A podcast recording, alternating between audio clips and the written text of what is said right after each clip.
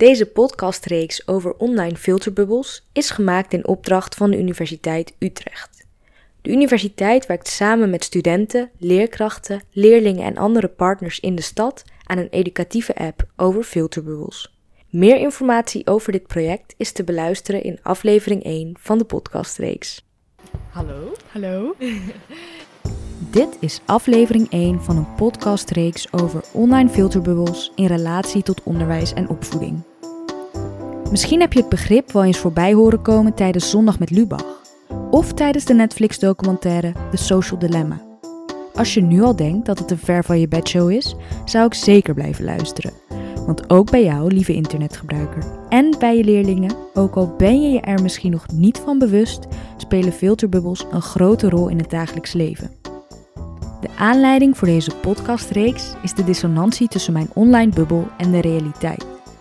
Op Instagram volg ik veel activistische accounts waarop men zich uitspreekt over en zich inzet tegen racisme. Binnen mijn online en offline bubbel werd daarom ook veel op links gestemd. Op Instagram zag ik vaak partijen zoals Bijeen, NIDA en GroenLinks voorbij komen, waardoor ik ervan overtuigd was dat deze partijen groot zouden worden bij de verkiezingen van maart 2021. Toen het tegenovergestelde gebeurde en rechts- en centrumpartijen de overhand kregen in de stemmen, was ik in de war. Ik had het totaal niet zien aankomen dat er landelijk relatief weinig op links werd gestemd. Heb ik mede door mijn Instagram filterbubbel een vertekend beeld van de werkelijkheid gekregen? In deze podcastreeks neem ik mijn Instagram filterbubbel onder de loep in naam van het onderwijs. Ik weet namelijk dat ik niet de enige ben die sociale media gebruikt. De jongere generatie is er letterlijk mee opgegroeid, met de positieve en negatieve gevolgen van dien.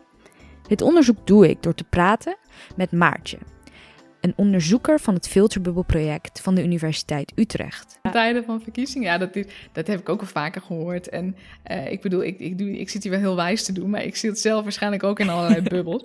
en met haar heb ik het over wat filterbubbels zijn, welke effecten deze bubbels kunnen hebben op ons als internetgebruikers, maar ook op onze leerlingen en wat bewustwording van filterbubbels ons kan brengen. Ook ga ik het gesprek aan met Aquasi, Johnny en meester Bart. Drie mensen uit mijn volgerlijst die in de praktijk bezig zijn met het zoeken van verbinding tussen verschillende bubbels. Aquasi en Johnny met Omroep Zwart. We, we, we omarmen cultuur. Maar we omarmen ook het thuisgevoel en het feit dat we nieuwe helden hebben. En zo zijn wij alle drie hier helden toevallig op sokken. Nou, op één na, Johnny heeft blote voeten. En meester Bart middels zijn baan op een gemengde middelbare school in Amsterdam. En in de klas kunnen zij zoveel meer inzichten krijgen. En niet per se als doel om leerlingen anders over iets te laten denken, maar wel om te zien van hé, hey, er is meer dan alleen alleen maar jouw mening. Ik ben benieuwd hoe zij het ervaren om zich in een specifieke Instagram filterbubbel te bevinden. Hebben zij soortgelijke ervaringen als ik? Ook ben ik benieuwd hoe zij zelf omgaan met bubbelvorming, omdat zij zich hier ook bewust mee bezighouden in hun dagelijkse werk. Tot slot laat ik in jongeren een blik werpen op hetgeen dat gedeeld wordt in deze podcast, omdat een frisse en kritische blik van een jonge internetgebruiker ons wellicht nieuwe inzichten kan geven. Echt, dat komt echt door TikTok, Instagram. Dit is aflevering 1 van de reeks waarin de vraag: wat is een filterbubbel en hoe worden filterbubbels gevormd, behandeld worden. De afgelopen jaren is het begrip bubbel veel voorbijgekomen in het maatschappelijk debat. Wanneer we het bijvoorbeeld hebben over machtsstructuren binnen onze maatschappij, komt deze term veel voorbij. De populaire Netflix-documentaire The Social Dilemma, die je wellicht al eens voorbij hebt zien komen, belicht de gevolgen van één specifieke bubbel, namelijk de online filterbubbel.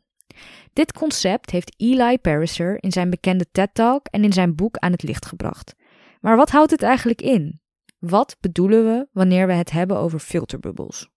Uh, nou, heel in het kort zijn filterbubbels um, online, ja, een online bubbel, een online filterbubbel waarin de gebruiker, en dus degene die het internet gebruikt, een op maat gemaakte selectie te zien krijgt, wat meestal al past bij jouw bestaande interesses en meningen. Nou, je zou het ook kunnen formuleren als een uniek online universum van informatie voor ieder van ons. En dat um, universum dat verschilt dus per persoon. Dit is Maartje van Dijken. Onderzoeker uh, aan de Universiteit Utrecht bij het departement Pedagogiek in diverse samenlevingen. Maartje is betrokken bij een onderzoek van de universiteit over jongeren en filterbubbels. Het onderzoek is onderdeel van een, een project, een breder project. En dat is een initiatief van uh, de Universiteit Utrecht. Uh, het mediateam, dat voorheen Mira Media was. En verschillende Utrechtse scholen voor voortgezet onderwijs. En uh, we werken nu ook samen met de Bibliotheek Utrecht en Stichting Jouw, Jongerenwerk in Utrecht. En het onderzoek van de universiteit waar we het vandaag over hebben, dat komt voort uit het Union-project. En dat staat voor Utrechts Netwerk voor Inclusief Onderwijs. En in dit project onderzoeken we onder andere hoe bubbelvorming online eruit ziet bij jongeren. Maar we ontwikkelen samen met alle partners, dus ook docenten en leerlingen van die scholen, met elkaar een applicatie die gebruikt gaat worden in het onderwijs om jongeren bewust te maken van filterbubbels en online bubbelvorming. Zoals Maartje vertelt, is een filterbubbel dus een uniek metaforisch universum voor elke internetgebruiker. Als we het concreet over Instagram hebben, omvat iemands filterbubbel dus diens nieuwsfeed en de explore page. Hoe ziet zo'n filterbubbel er concreet uit? Dit zijn de bubbels van Bart. Werkzaam op de Open Schoolgemeenschap Belmer in Amsterdam sinds 2008 alweer. Geef hier Engels aan uh, 3 en 4 VMBO. Onderwerpen die in zijn bubbel voorkomen zijn... Inclusie, racisme, maatschappelijke relevante onderwerpen. Gianni. 32, geboren en getogen in Amsterdam. Ik ben medeoprichter van Omroep Zwart en zakelijk directeur. Zijn bubbel omvat... Um, sport, voetbal en boksen met name. Anime. Um, en ik ben filmmaker geweest, dus tot nu en dan zie ik dan uh, uh, ja, uitleg, uh, tutorials, um, 3D-dingen, animaties die gemaakt worden. Daar bestaat mijn Explorer uit. En ik denk dat het resoneert met, mijn, met wie ik volg. Ik volg fotografen, regisseurs, DOP's, modellen. Aquasi. Ik ben 33 jaar, geboren en getogen in Amsterdam, Ghanese van afkomst. En ik ben oprichter en creatief directeur Omroep Zwart. Onderwerpen die in zijn bubbel voorkomen zijn. Er is wel heel veel van actualiteit in Amerika en voornamelijk vanuit de Afro-Amerikaanse hoek. En dat is waar ik onder andere vertegenwoordiging voel en vind. En als het gaat over Britse artiesten, ik, ik, open net mijn Instagram en ik zie al iets van vier posts dat Stormzy in de Madame Tussauds, de artiest Stormzy, dat hij, in de dat naast uh, zijn eigen wassen beeld staat in de Madame Tussauds en dat allemaal andere artiesten hem feliciteren. Dat zie ik heel snel. En, en ook hier, maar dan op het gebied van muziek. En Vicky Lou. Ik ben 13. Um, ik, ik vind uh, kunst heel erg leuk. En ik vind ik ben ook heel erg, ik zit ook vaak op social media. En um, ik weet ook veel over social media, vind ik zelf. Haar bubbel omvat? Nou, vooral op tieners, dat sowieso. Ik, ik zie eigenlijk alleen maar tieners. Um, maar bijvoorbeeld ook uh, activisten en ook een beetje kunst, ook een beetje creativiteit. Bart, Gianni, Aquasi en Vicky Lou volg ik allemaal op Instagram. Hun accounts zitten dus ook in mijn eigen bubbel. Toch verschillen hun bubbels van elkaar. Aan Maartje heb ik daarom gevraagd hoe een filterbubbel ontstaat en hoe het zich verder vormt.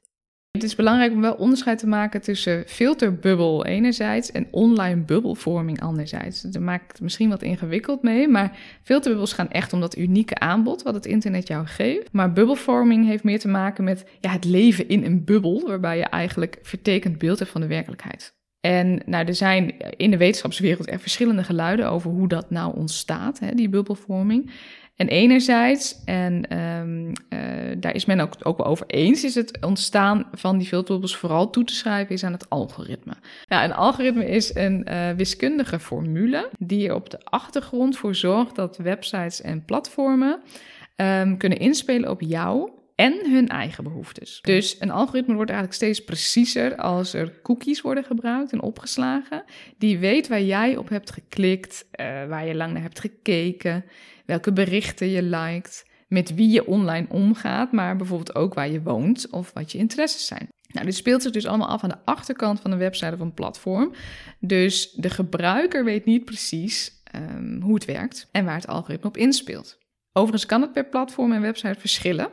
Maar de meeste hebben er baat bij om precies te weten wat je graag ziet, zodat je langer blijft plakken.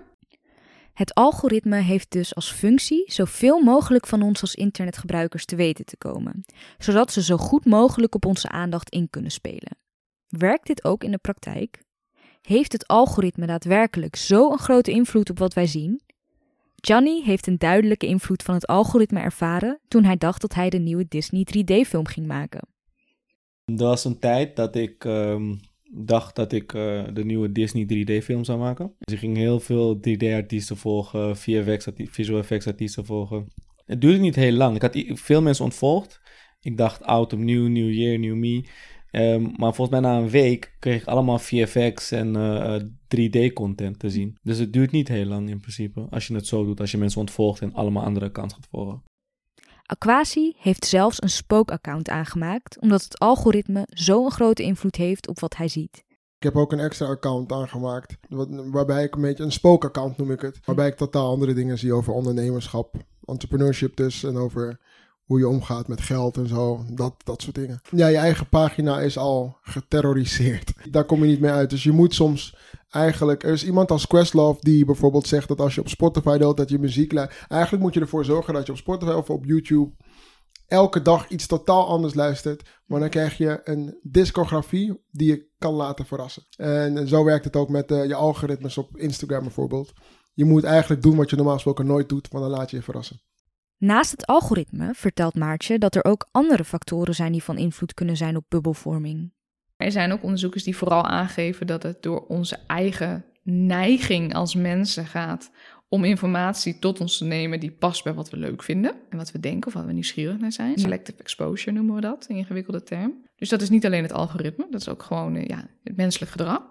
Wij als individuele internetgebruikers zorgen er dus ook voor dat onze eigen bubbel vorm krijgt, door te klikken op content die aansluit bij onze eigen voorkeuren. Ja, guilty.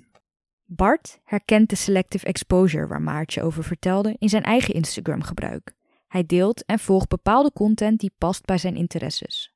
Ik denk dat mijn uh, het delen van uh, die artikelen komt omdat ik zelf ook bepaalde mensen en, en platformen ben gaan volgen, dus die mij inspireren. Tot slot is er volgens Maartje nog één laatste factor die bubbelvorming kan beïnvloeden. Dat is de menselijke neiging om je uh, ja, te bevinden in sociale netwerkstructuren met wie je bepaalde eigenschappen of kenmerken deelt. Dus je verhoudt je dan tot jouw netwerken. Je wordt beïnvloed door de groep waartoe je behoort, online.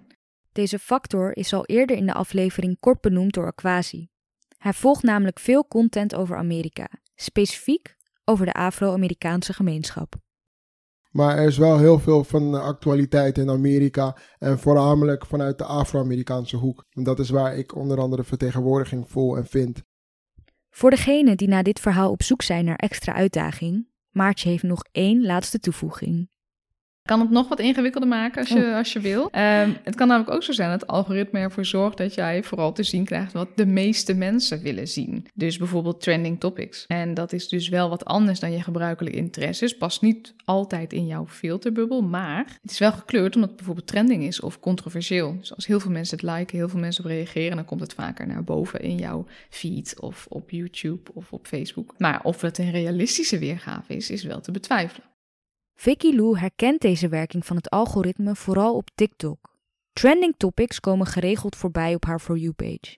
Ze vertelt over de invloed die TikTok had op de verspreiding van berichten van de BLM, Black Lives Matter Movement.